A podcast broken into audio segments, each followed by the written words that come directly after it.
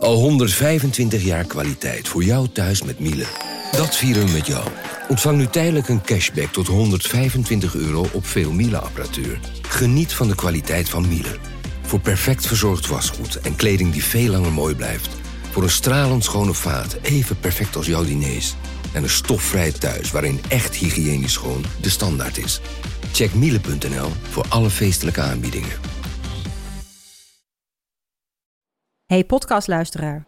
Ook op zoek naar een relevante invulling van je schaarse luisteruren? Tune dan in op de podcastserie ESG, even samengevat van BNP Paribas. Wij, Marloes en Aldert, spreken daar duurzame voorlopers en wereldverbeteraars. Waarover dan? Nou, bijvoorbeeld of we ooit duurzaam kunnen gaan vliegen. En waarom koeien in de stad nou een goed idee is? Dat en meer elke twee weken in een nieuwe aflevering. Dus abonneer je. ESG, even samengevat.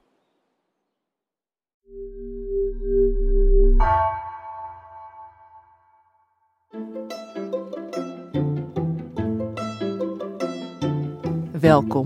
Wij zijn Onbehaarde Apen. Dit is een podcast van NRC over wetenschap.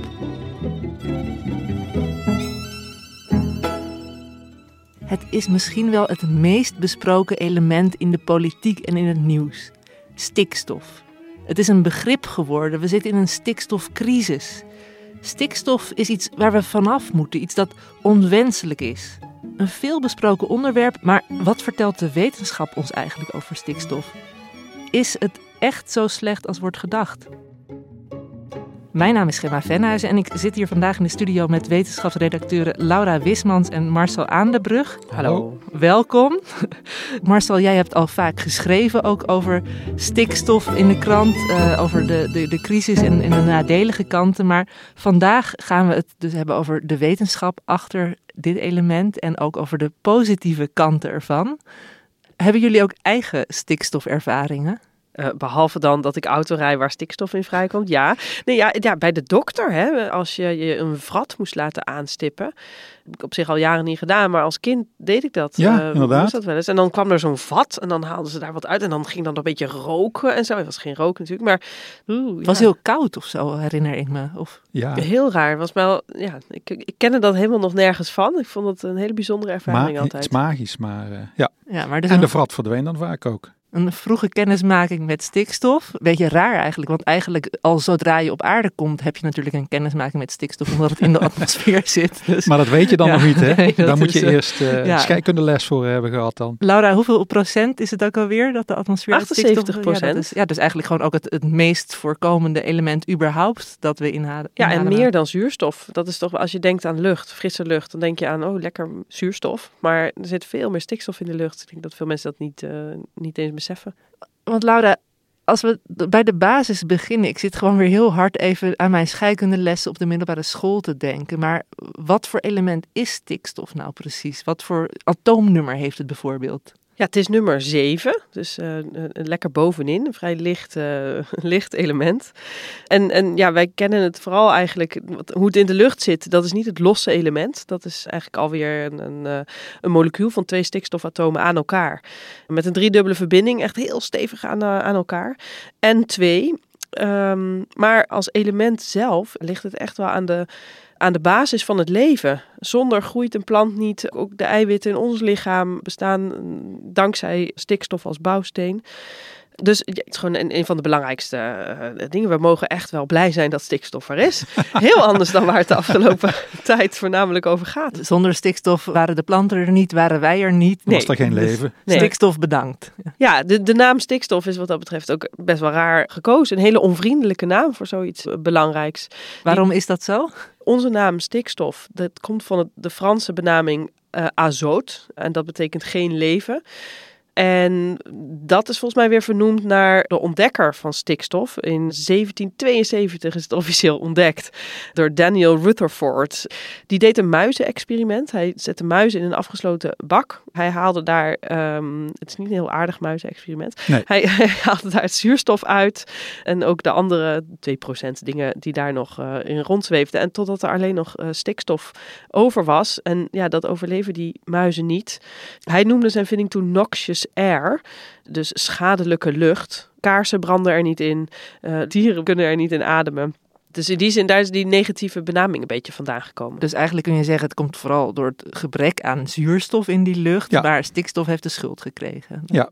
Ja, ja, zo, ja, zo zou je het kunnen zeggen. En je zegt 1772, dus we hebben ook nog een stikstofjubileum nu dit jaar.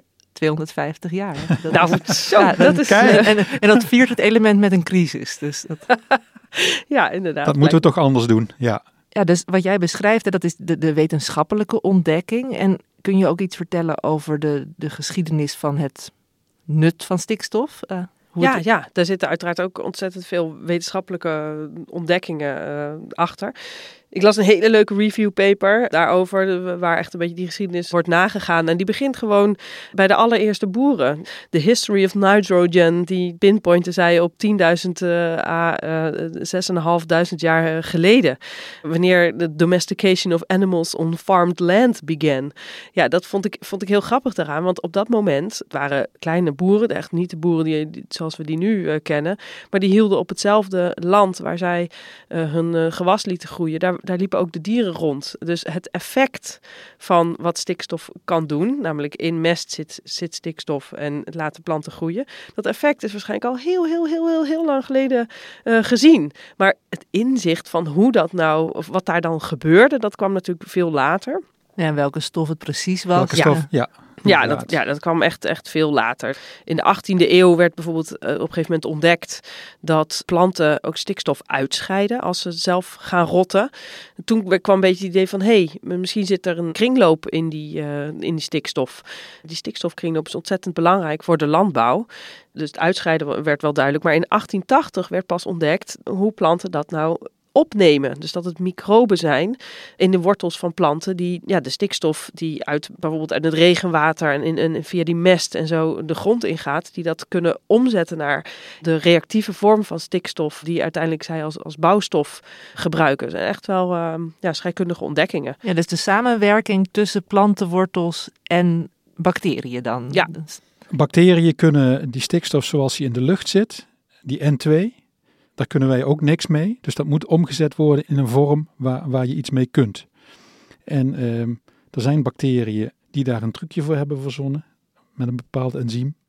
En die kunnen dat eh, N2 dus openbreken. Ik bedoel, die, N, die twee N'tjes die houden elkaar heel stevig vast. Ja, Maar die, die dubbele N-atomen waar Laura het net Ja, over ja, had. Ja. Precies. En die kunnen die twee N'tjes los van elkaar wrikken. En die kunnen dan die N in een verbinding met waterstof of zuurstof beschikbaar maken. Dan kan de plant wel dat stikstof opnemen en zo dat stikstof verwerken in eiwitten, DNA. En vervolgens eten dieren weer planten. Wij eten ook planten, wij eten dieren. Zo komen wij ook aan onze stikstof. Het is wel Van grappig. onze beschikbare stikstof. Ja. We ademen het de hele tijd in, maar daar precies. kunnen we dus niks mee. Ja. Want stikstof, ja, we kennen het nu dus uit de lucht, waar het als N2, twee stikstofatomen aan elkaar.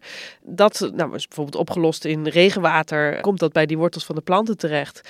In mest zit, zit stikstof in een andere vorm. En in die experimenten begin 19e eeuw hebben ze ja, al die gewassen eh, blootgesteld aan verschillende vormen van stikstof. En ook toen is eigenlijk pas vastgesteld dat planten in staat zijn om eh, stikstof uit zowel mest, waar bijvoorbeeld ook ammoniak in voorkomt, als uit regenwater, waar die, die N2 in zit opgelost, om het uit verschillende bronnen op te nemen. Dat is eigenlijk toen in experimenten eh, aangetoond. En ammoniak is, even in mijn geheugen graven, een NH-verbinding. Ja. NH3.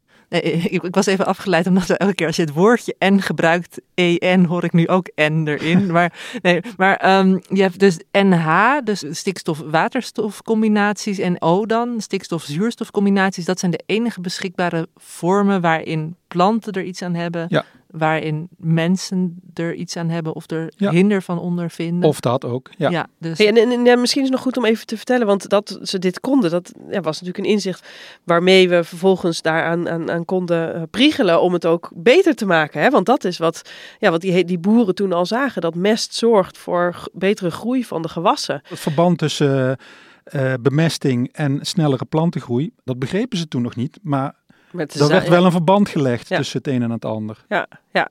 ja precies. Dat, dat begrip dat kwam dus in de jaren 30 van de 19e eeuw pas. Dus toen, toen werd gezien van, hé, hey, meststof waar meer stikstof in zit, daarop doen de gewassen het beter dan mest waar minder stikstof in zit. Dus dat het Ja. stikstof was dat daarvoor zorgde, dat, dat dateert van ongeveer toen. En daar spoelen we even heel gauw door naar uh, het begin van de 20e eeuw. Want dat was eigenlijk het moment waarop de processen werden ontdekt. Ook echt weer super scheikundig. Maar die hebben ervoor gezorgd dat die hele kunstmestproductie op gang is gekomen. En ja, waardoor we eigenlijk wel de groeiende wereldbevolking hebben kunnen blijven voeden. Want alleen die, die dieren op het land, dat was op een gegeven moment niet meer genoeg om genoeg gewas te laten groeien. Dus het inzicht in hoe we dan vervolgens zelf nuttige stikstofverbindingen kunnen maken, bijvoorbeeld in de vorm van ammoniak, dat dateert van begin 20e eeuw. Ja. In de aanloop naar de Eerste Wereldoorlog, het werd er heel erg eigenlijk naar munitie uh, gezocht, waar ook ammoniak een grote rol in speelt in, in explosieven. En uh, dat was de drijfveer achter, achter het onderzoek om ammoniak te kunnen maken. En dat was dus eigenlijk, die kunstmest was een bijvangst, kun je zeggen, van het zoeken naar explosieven. Ja. ja, inderdaad. En nog iets over die explosieven, dat is denk ik wel grappig. Want Duitsland was voor zijn munitie heel erg afhankelijk van Chili, van de import van guano, eh, anders gezegd pinguïnenpoep. Dat is rijk aan stikstof, weer in een andere vorm die niet in andere poep zit. Dus zij importeerden heel veel van die guano specifiek uit Chili. En zij zagen al aan het begin van de Eerste Wereldoorlog dat zij zo afhankelijk waren van Chili, dat zij besloten van we moeten een andere bron van salpeter of van ammoniak, welke vorm dan ook, zien te verzinnen. En daar... Ja, dat dreef die... Dat dreef die, want Frits Haber had dat proces al ontwikkeld. Ja. En vervolgens is BASF, het Duitse chemiebedrijf, daarmee verder gegaan. En Karl Bosch heeft dat vervolgens uh, ja, tot een op, bruikbaar, tot een bruikbaar ja. proces dus, gemaakt. Ja. ja, dus die Frits Haber en Karl Bosch zijn eigenlijk de grondleggers die, ja. van de kunstmest. Ja. Ja. ja, ze hebben een synthetische manier gevonden om ammoniak te maken.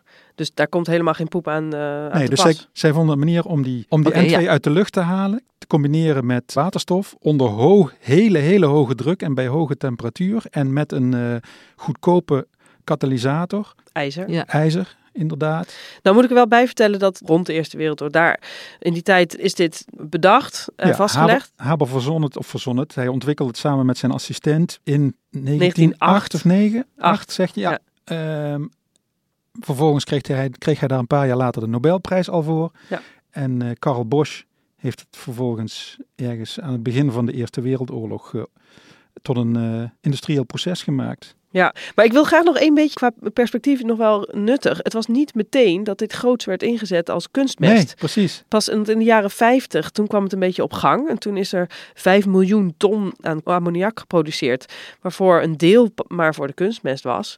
En nu, in 2020, is er meer dan 200 miljoen ton geproduceerd. Wat voor het grootste deel wel allemaal voor kunstmest is.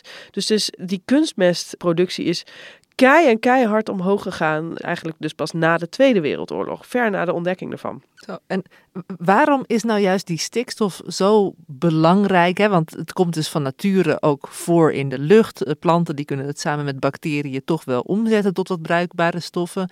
Maar waarom wil je dan nog zo graag stikstof toevoegen? Nou ja, omdat we omdat niet genoeg hadden. omdat, omdat de wereldbevolking groeit en uh, die moet van voedsel voorzien worden. En dat is een, uh, ja, en er is een, een soort natuurlijk tekort hè, dan... Voor, ja, precies. Aan die guano. Je hebt niet eindeloos veel guano. Je hebt niet eindeloos veel andere natuurlijke bronnen, zal ik maar zeggen. Die, uh, die waren eindig. Ja, eigenlijk, want dat, dat vind ik dan wel, en dan gaan we misschien al een klein beetje richting uh, waarom we nu in een crisis zitten. Maar er was een hele mooie kringloop, de stikstofkringloop. En wij zijn hier met synthetische, op synthetische manieren extra stikstof aan gaan toevoegen. Dus we hebben die kringloop beïnvloed op die manier. Ja, we ja. werden op een gegeven moment, de mens is beter geworden in het introduceren van stikstof in de landbouw dan op de natuurlijke weg uh, al ging. Ja. ja, en dan krijg je weer de vraag, daarom... zijn we ook zo goed in het afbreken van stikstof? Nou, dat, uh... In ieder geval uh, kunnen we daardoor de 8 miljard mensen aantikken. Ja, 15 we november. Zaten, we zaten op, op iets van 1 miljard. En ja, door die kunstmesttoepassing en de versnelling van gewasgroei konden we veel meer mensen voeden. Hey, maar en er zijn, of dat, of, ja, hoe je daar tegenaan kijkt. Ja. Ja, hey, maar, maar, stikstof, ja, dat zit natuurlijk in. We hebben het nu heel erg over de landbouw, waar het een, een enorm verschil heeft gemaakt. Uh, maar het zit in nog veel meer. En waar moet ik aan denken? Ja, we hadden dat, dat vloeibare wrattenspul dan al. Maar... Ja, bijvoorbeeld. Maar ook bij brandbestrijding, stikstof, het, het feit dat het zo goed verstikt, uh, het is een goed middel om, om brand mee te bestrijden. Maar dus brandblusschuim bijvoorbeeld, Ja, ja, moet ja, je dan aan denken. Ja. Oh ja, en, en, en panties ook? Nylon, eh, medicijnen is, is vaak stikstof voor nodig. Ehm, maar dat stik inderdaad, dat vervelende muizenexperiment, eh, voedselpreservering. Er worden in verpakkingen vaak dat N2, die stikstof gedaan, want dat verdringt zuurstof, waardoor voedsel minder snel bederft. Oh, dus om verrotting te voorkomen, dan... Dus er zijn allerlei nuttige toepassingen van, eh, van stikstof. Ja. Ja. Maar als ik het zo hoor, dan hebben we plantengroeimiddel. We hebben wrattenverwijderaar. We hebben Al het leven, al het leven, bedankt stikstof. Pantymaker, brandbestrijder, medicijnen, eh, Ja. voedsel conserveren. Het klinkt tot nu toe als een lofzang op stikstof. Ja, niet die bommen dan, maar verder allemaal wel positief. Zeker. Maar waar is het dan eigenlijk fout gegaan? Waar kwam het kantelpunt dat we stikstof niet langer op het schild hebben gehesen, maar het meer als boeman zijn gaan zien?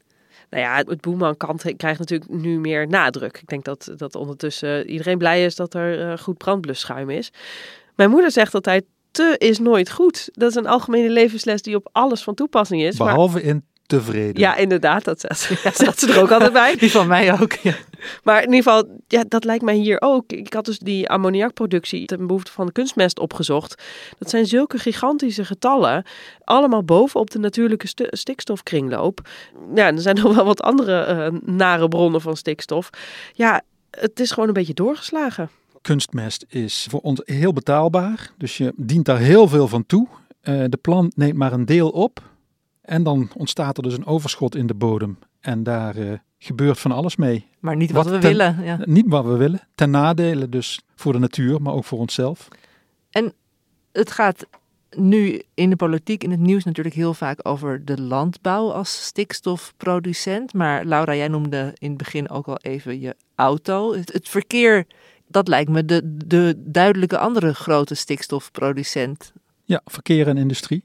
En dan heb je het dus over verschillende stikstofverbindingen weer. Landbouw is eh, met name ammoniakuitstoot, NH3. Verkeer en industrie is weer een andere stikstofverbinding. Dat noemen ze NOx. En die X die kun je invullen als een 1 en een, of een 2. NO of NO2. En dat komt vrij bij de verbranding van fossiele brandstoffen. En dat zijn de twee grote bronnen voor stikstof. eh, het stikstofprobleem. En kun je nog zeggen van ofwel die eh, NOx ofwel die NH3 is schadelijker? Of? Het aandeel uit de landbouw is groter, maar eh, als ze in overvloed zijn, zijn ze allebei schadelijk. Dus dat zijn de twee, in dit geval probleemveroorzakers. Maar we noemen het nu een crisis. Dat komt eigenlijk door de uitspraak van de Raad van State eh, medio 2019. Dat heeft een totaal nieuwe werkelijkheid gecreëerd. Want eigenlijk was de uitstoot van die stikstofoxide en ammoniak eind jaren 80 veel groter. Toen was het probleem eigenlijk ook groter, Maar het werd geen crisis genoemd. maar het werd geen crisis genoemd. Eh, dat heeft te maken met die uitspraak van de Raad van State. Want, want die uitspraak van de Raad van State, help me even herinneren, dat ging over de beschermde natuurgebieden specifiek. Precies, dus Europa heeft de lidstaten opgedragen om beschermde natuurgebieden aan te wijzen. En daar gelden bepaalde regels voor. Een van die regels is, er moet een goede staat van instandhouding zijn. En die goede staat, dat kun je dan aflezen aan een aantal dingen. Is er voldoende water, eh, maar ook hoeveel stikstof daalt er op zo'n natuurgebied neer. En voorheen, voor die uitspraak, wisten we ook al dat te veel stikstof schadelijk is voor de natuur. Maar werd er nog een beetje omheen gefietst. Door die uitspraak van de Raad van State mag er in de gebieden waar sowieso al te veel neers, eh, stikstof op neerslaat, mag er helemaal niks, geen extra stikstof meer bij. Elke nieuwe economische activiteit die ook maar een beetje extra stikstof in die beschermde natuurgebieden eh, brengt, krijgt geen vergunning. Die kan dus niet doorgaan. Vandaar dus al die bouwprogramma's die eh, stil kwamen te vallen. Uh, allerlei wegen uh, aanleg die stil kwam te vallen. Ja, want je mag, het maakt niet uit hoeveel schoner de auto's zijn geworden of hoeveel minder kunstmest we zijn gaan gebruiken ten opzichte van de jaren 80. Maar er is nu gewoon een grens gesteld Precies. en daar mogen we niet overheen. Dus inderdaad, vergeleken met eind jaren 80 is het verkeer al flink schoner geworden. Is die uitstoot van stikstofoxides flink afgenomen. De landbouw heeft ook al heel veel gedaan in het terugdringen van de ammoniakuitstoot. Maar de uitspraak van de Raad van State heeft gewoon een nieuwe werkelijkheid gecreëerd. Maar waarom? We hebben aan het begin zeggen we, boeren waren blij met stikstof juist omwille van de plantengroei. En uh, tegelijkertijd zijn het ook de beschermde natuurgebieden die er last van hebben. Dus waarom is stikstof dan zo'n probleem voor de natuur? Nou, de planten die in de uh, natuurgebieden staan, dat zijn niet per se planten die hard moeten groeien om als voedsel voor ons te dienen. Daar zitten planten bij bijvoorbeeld die gewend zijn aan hele kleine beetjes stikstof. Die, uh, als die te veel stikstof krijgen, dan worden ze overwoekerd door andere soorten die bijvoorbeeld wel overweg kunnen met heel veel stikstof. En dat zie je gebeuren. Brandnetels, bramen. Op de hei woekert het uh, pijpenstrootje, een soort gras.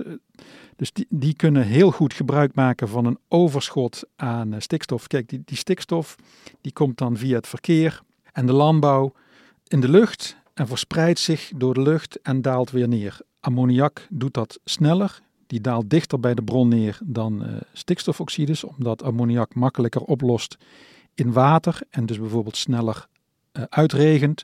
Maar ook de luchtvochtigheid zorgt ervoor dat ammoniak dichter bij de bron neerdaalt. Dus dat komt op die natuurgebiedjes terecht. En die extra stikstof, die doet eigenlijk daar hetzelfde als wat het uh, op de akker doet. Het stimuleert plantengroei, maar bevoordeelt daar uh, bepaalde planten bij. Mijn uh, lieve heitje staat helemaal vol met bramen. Dat, valt dat me, krijg je dan. Ja, sinds het hier voortdurend over gaat, valt me dat enorm op. Dus je kunt zeggen van hè, een, een deel van de wilde natuur ondervindt er gewoon nadeel van dat de stikstoflievende planten het overnemen. Ja, ja precies. Dus, dus de, de stikstoflievende planten die uh, woekeren en die verdringen allerlei soorten die minder goed overweg kunnen met zo heel veel stikstof. En dat heeft dan ook weer, als er sommige planten verdwijnen, dan verdwijnen er ook dieren, vlinders bijvoorbeeld, die van zo'n plant afhankelijk zijn. Ja, dus je kunt het direct koppelen ook weer aan een biodiversiteitscrisis in die zin. Ja, inderdaad. En dat is dan uh, wat ze noemen het vermestingsprobleem. Dus extra mest in de natuurgebieden zorgt voor de snelle groei van, van een heel beperkt aantal soorten planten. Uh, er is nog een ander probleem, dat heet het verzuringsprobleem. En dat wil zeggen dat er na een aantal stappen extra zuur in de bodem ontstaat. Normaal, veel bodems die wat kalk bevatten bijvoorbeeld, die hebben nog wel een soort bufferend vermogen. Maar dat kalk, dat wordt dan afgebroken en verdwijnt langzaam. En op een gegeven moment gaat die pH heel sterk omlaag, ontstaat er heel veel zuur. En dat heeft weer tot gevolg... Ook dankzij het stikstof. Dankzij het stikstof. Ja, precies. Precies. En dat heeft weer tot gevolg dat er allerlei mineralen zoals calcium en kalium uit de grond spoelen. En dat zijn weer stoffen die planten juist weer nodig hebben. Die verdwijnen. Dus er is heel veel stikstof en heel weinig van die mineralen. En dan zou je eigenlijk een soort calciumkunstmest weer moeten uitvinden om de planten toch een beetje op te krikken. Dat wordt nu geprobeerd bijvoorbeeld door uh, steenmeel te vergruizen en, en uit te strooien. Uh, maar goed, da, dat is nog aan het begin en ik geloof dat de resultaten daar niet induidig uh, zijn. Maar, maar al het in, ingrijpen en, en sleutelen aan die, ja. aan die kringloop, die komt van de regen in de drup. Ja. De, de, wens om gewassen sneller te laten groeien, die heeft nu de overhand genomen, waardoor we ineens een cascade aan allerlei andere problemen ja. hebben. Je hebt ook nog niet, het, het zwemwater is ook nog een goede om te noemen. Ja. Wat, wat, wat gebeurt er in het zwemwater dan? Uh, nou, ook blauwalg gaat lekker groeien op meer stikstof. Oh ja, dus algen zijn net als brandnetels dan dol op stikstof. Zijn, ja. ja. Ja, precies. Ja. Dus die algen die groeien, daardoor dringt er minder licht door uh, onder in de, in de sloten en in de rivieren. Dus daar sterven de planten die daar leven. Ja, dus het Ehm, gaat de hele tijd nu over die, eh, of niet nu hier, maar eh, in eh, de wereld buiten deze podcaststudio. gaat heel vaak over die Natura 2000 gebieden.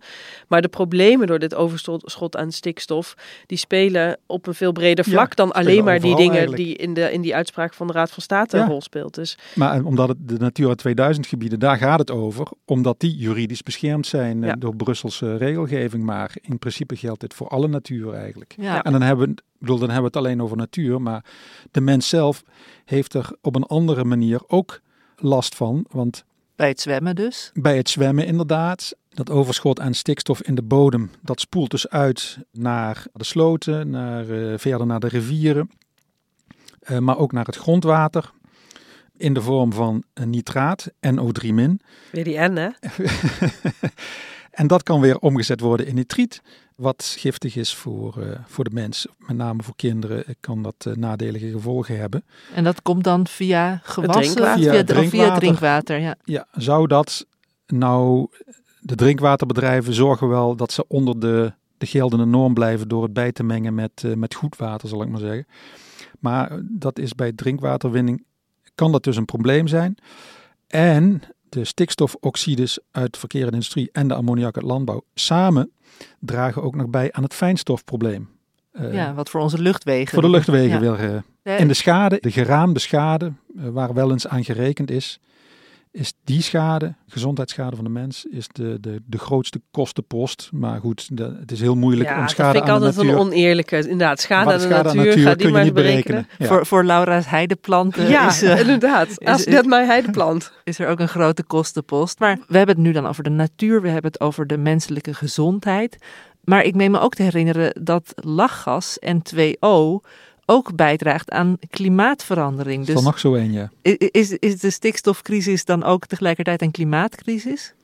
Eh, nou, het maakt geen deel uit van die stikstofcrisis. De stikstofcrisis heeft dus echt door die uitspraak nogmaals van de Raad van State te maken met de Natura 2000 gebieden en de overvloed aan stikstof die daarop neerdaalt. Maar dat is dus iets anders dan klimaatproblemen in de zin van de opwarming van de aarde. Dat heeft niet per se met stikstof te maken. Ja, een klein beetje door die lachgas, maar Ja. dat wel, zijn wel echt twee verschillende problemen. Ja. Soms wordt die wel door elkaar gehaald inderdaad als die overgaat. Maar goed, maar alsnog, hè, dan- dan gaan we koolstof eens terecht wijzen als we het over het klimaatprobleem gaan ja, en dan hebben. kun- die Want het kunnen we ook op het schild hijsen. Dus Ja, misschien is- leuk om het daar binnenkort Ja. eens over te hebben. Maar- Ik moet zeggen dat ik de eerste helft van deze podcast tot nu toe wel leuker vond. nou, dan la- laten we dan nu gauw over mogelijke oplossingen hebben. Ja, want ja, eh. Laura, jij zei eerder al van we voegen ontzettend veel toe aan de kringloop nu als mensen. Dus als ik het nu zo begrijp, eh, ook vanuit die regelgeving, is, is dat de meest voor de hand liggende oplossing om minder stikstof te gaan toevoegen. En eh, ja, we kunnen in het nieuws volgen eh, wat voor emoties dat oproept. Vooral minder vee. Maar ja, het huidige stikstofcrisis kun je ook veranderen door de boerenbedrijven te verplaatsen. En niet naast die Natura 2000 eh, plekken te zetten. Maar ja, daarmee los je dus de, daar gaat het nu ook vaak over, hè, maar daar los je dus de, de papieren werkelijkheid mee op. En al die andere dingen die we net hebben genoemd, die worden daar niet per se mee opgelost. Nee, dus de gezondheidskwestie, die speelt dan Ja, nog steeds. bijvoorbeeld. Ja. Ja, en ook de, de niet-Natura 2000 natuur die ook schade ondervindt. Maar er zijn wel creatievere eh, dingen om ook nog te doen, toch? Jij noemde laatst iets over het poep en plas Ja, scheiden. precies. Vertel. Ja, want, want de combinatie van, ik geloof dan, ja, de meeste stikstof zit in plas en in de poep zitten juist de bacteriën die dan eh, stikstofverbinding weer om kunnen zetten in ammoniak. Wat vanuit de landbouw dus een belangrijke bron is. Nou ja, als je de poep en de plas beter weet te scheiden, dan ben je al een heel eind. Hoe moet ik me dat nou voorstellen in die stal? Zie je daar? Je moet de koeien trainen. Ja, om op de grote ene plek- boodschap hier, ja. Ja, en, ehm, wat je kunt doen is, er zijn al systemen dat de plas via een gootje wordt opgevangen in een apart reservoir. En er rijdt dan af en toe een machientje rond volgens mij die de poep opveegt of zo. Of Ah, eh, je hebt ook allerlei varianten daarop volgens mij. Eh, maar je kunt ook het voer aanpassen, want in het voer zit ook eigenlijk te veel stikstof. Want de koeien en de varkens en de kippen die nemen lang niet alle stikstof op die in het voer zit. En Scheiden alles weer die- uit. Die scheiden dan weer eh, Scheiden, alles weer scheiden uit. alles uit. Eh, niet alles, eh, die scheiden we veel uit. Dus je zou het voer kunnen aanpassen. Waarna wordt gekeken is ook, Kun je het mest met water verdunnen? Dat schijnt te helpen. Kun je er zuur bij doen? Dat schijnt te helpen. Ah, dus er wordt wel goed eh, veel onderzoek Kun gedaan naar andere oplossingen dan alleen maar verplaatsen van het probleem. meer weidegang van de, met name, want koeien zijn in dit probleem wel van het vee. Leveren de koeien de grootste bijdrage. Dus kun je de koeien vaker de wei in. Ja, dus het wordt, het wordt allemaal vooral in de landbouw gezocht. Tegelijkertijd wordt er Nee, natuurlijk niet alleen. Niet ver- alleen.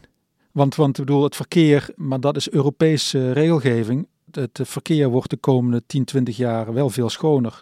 Ik bedoel, er komt op een gegeven moment een verbod op de verkoop van dieselauto's. Op een bepaald moment mogen er alleen nog maar elektrische eh, auto's verkocht worden. Dus Ja, dat is natuurlijk de- gedreven door een wens om minder CO2 uit te stoten. Precies, dat is meer een het- klimaat, Dit bijeffect is ook ja. een, eh, Ja. Een fijne. Waarom gaat het eigenlijk, als we het nu over die mooie oplossingen zoals dat, dat eh, poep- en plas scheiden eh, hebben, waarom gaat het daar in de politiek nog relatief weinig over? Dus, dus in plaats van hè, minder eh, stikstof toevoegen, ook het beter leren het eh, op een goede manier af te breken misschien? Ja, nou, er komt wel extra geld beschikbaar voor. Er wordt nu wel meer naar gekeken. Maar eh, voorheen was het natuurlijk, wat we al eerder noemden, het was wel een probleem, maar het was geen acuut probleem. Dus door die uitspraak van de Raad van State is eh, heel veel op slot komen te staan en nu zijn alle, alle staten op rood. Dus er gaat meer geld naar innovatieve oplossingen. Maar het is nog niet af, begrijp ik hieruit. Dat Nee, het is nog lang niet af. Aan, aan bedacht, maar nog niet.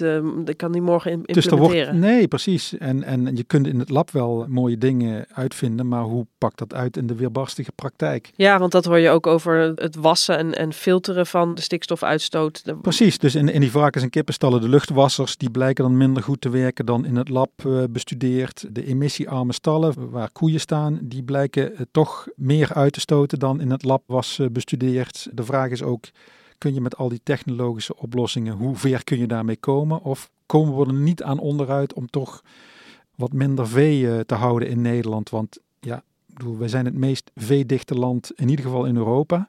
Ja, want helemaal in het begin ging het over we willen meer stikstofverbindingen, we Ja. willen meer mest. Ja. Maar in Nederland hebben we te veel mest. Ja, want we hebben zo gigantisch veel eh, vee en al dat mest van die dieren. Ja, Kunnen we niet in een mesthandel, internationale mesthandel beginnen?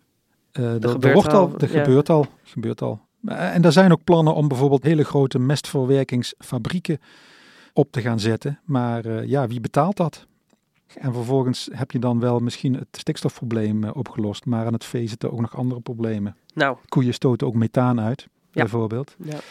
Dus eigenlijk, sommige mensen zeggen dat het inkrimpen van de veestapel onontkoombaar is in, in Nederland. Maar we begonnen heel vrolijk met deze podcast. Het is geleidelijk zijn we ook steeds meer de, de problemen toch weer tegemoet gegaan. Maar ik wil stikstof Weggezakt in die zin hè, ehm, een, even een eerlijke kans geven. Dus dat we een soort eindbalans opmaken. Van moeten we alsnog blij zijn met stikstof? Of is die gewoon helemaal in het verdomhoekje verdwenen? Wat, wat denken jullie? Nou ja, zonder stikstof geen leven. Ja. Dat is de tragiek. 100% zuurstof, atmosfeer overleven we ook niet. Nee, maar dat is ook de tragiek van dit. Ik vind dat we niet moeten vergeten hoe belangrijk stikstof voor het leven en voor alles wat we om ons heen zien, hoe belangrijk stikstof daarvoor is. Dus we moeten het ja, weer gaan waarderen. Ja, in- geniet met mate, zou ik willen zeggen. Ja, dat, er zit ook weer die te in. Ja. Hè? Ja, nou, te is nooit goed. Die boodschap onthouden we. Maar ik was wel heel tevreden dat jullie hier waren. Dank jullie wel voor jullie mooie, duidelijke verhalen, Laura en Marcel. Dank ook eh, Julia Vier voor de productie van deze podcast. En bedankt voor het Dudok kwartet. Ik hoor nu overal opeens te in, maar goed. Bedankt voor het Dudok kwartet voor de altijd stemmige eindtune. En mocht je na deze aflevering nou nog geen stikstofoverschot hebben, dan hebben we komend weekend in de wetenschapsbijlage ook een speciale stikstof special. Volgende week zijn we er weer. Tot dan.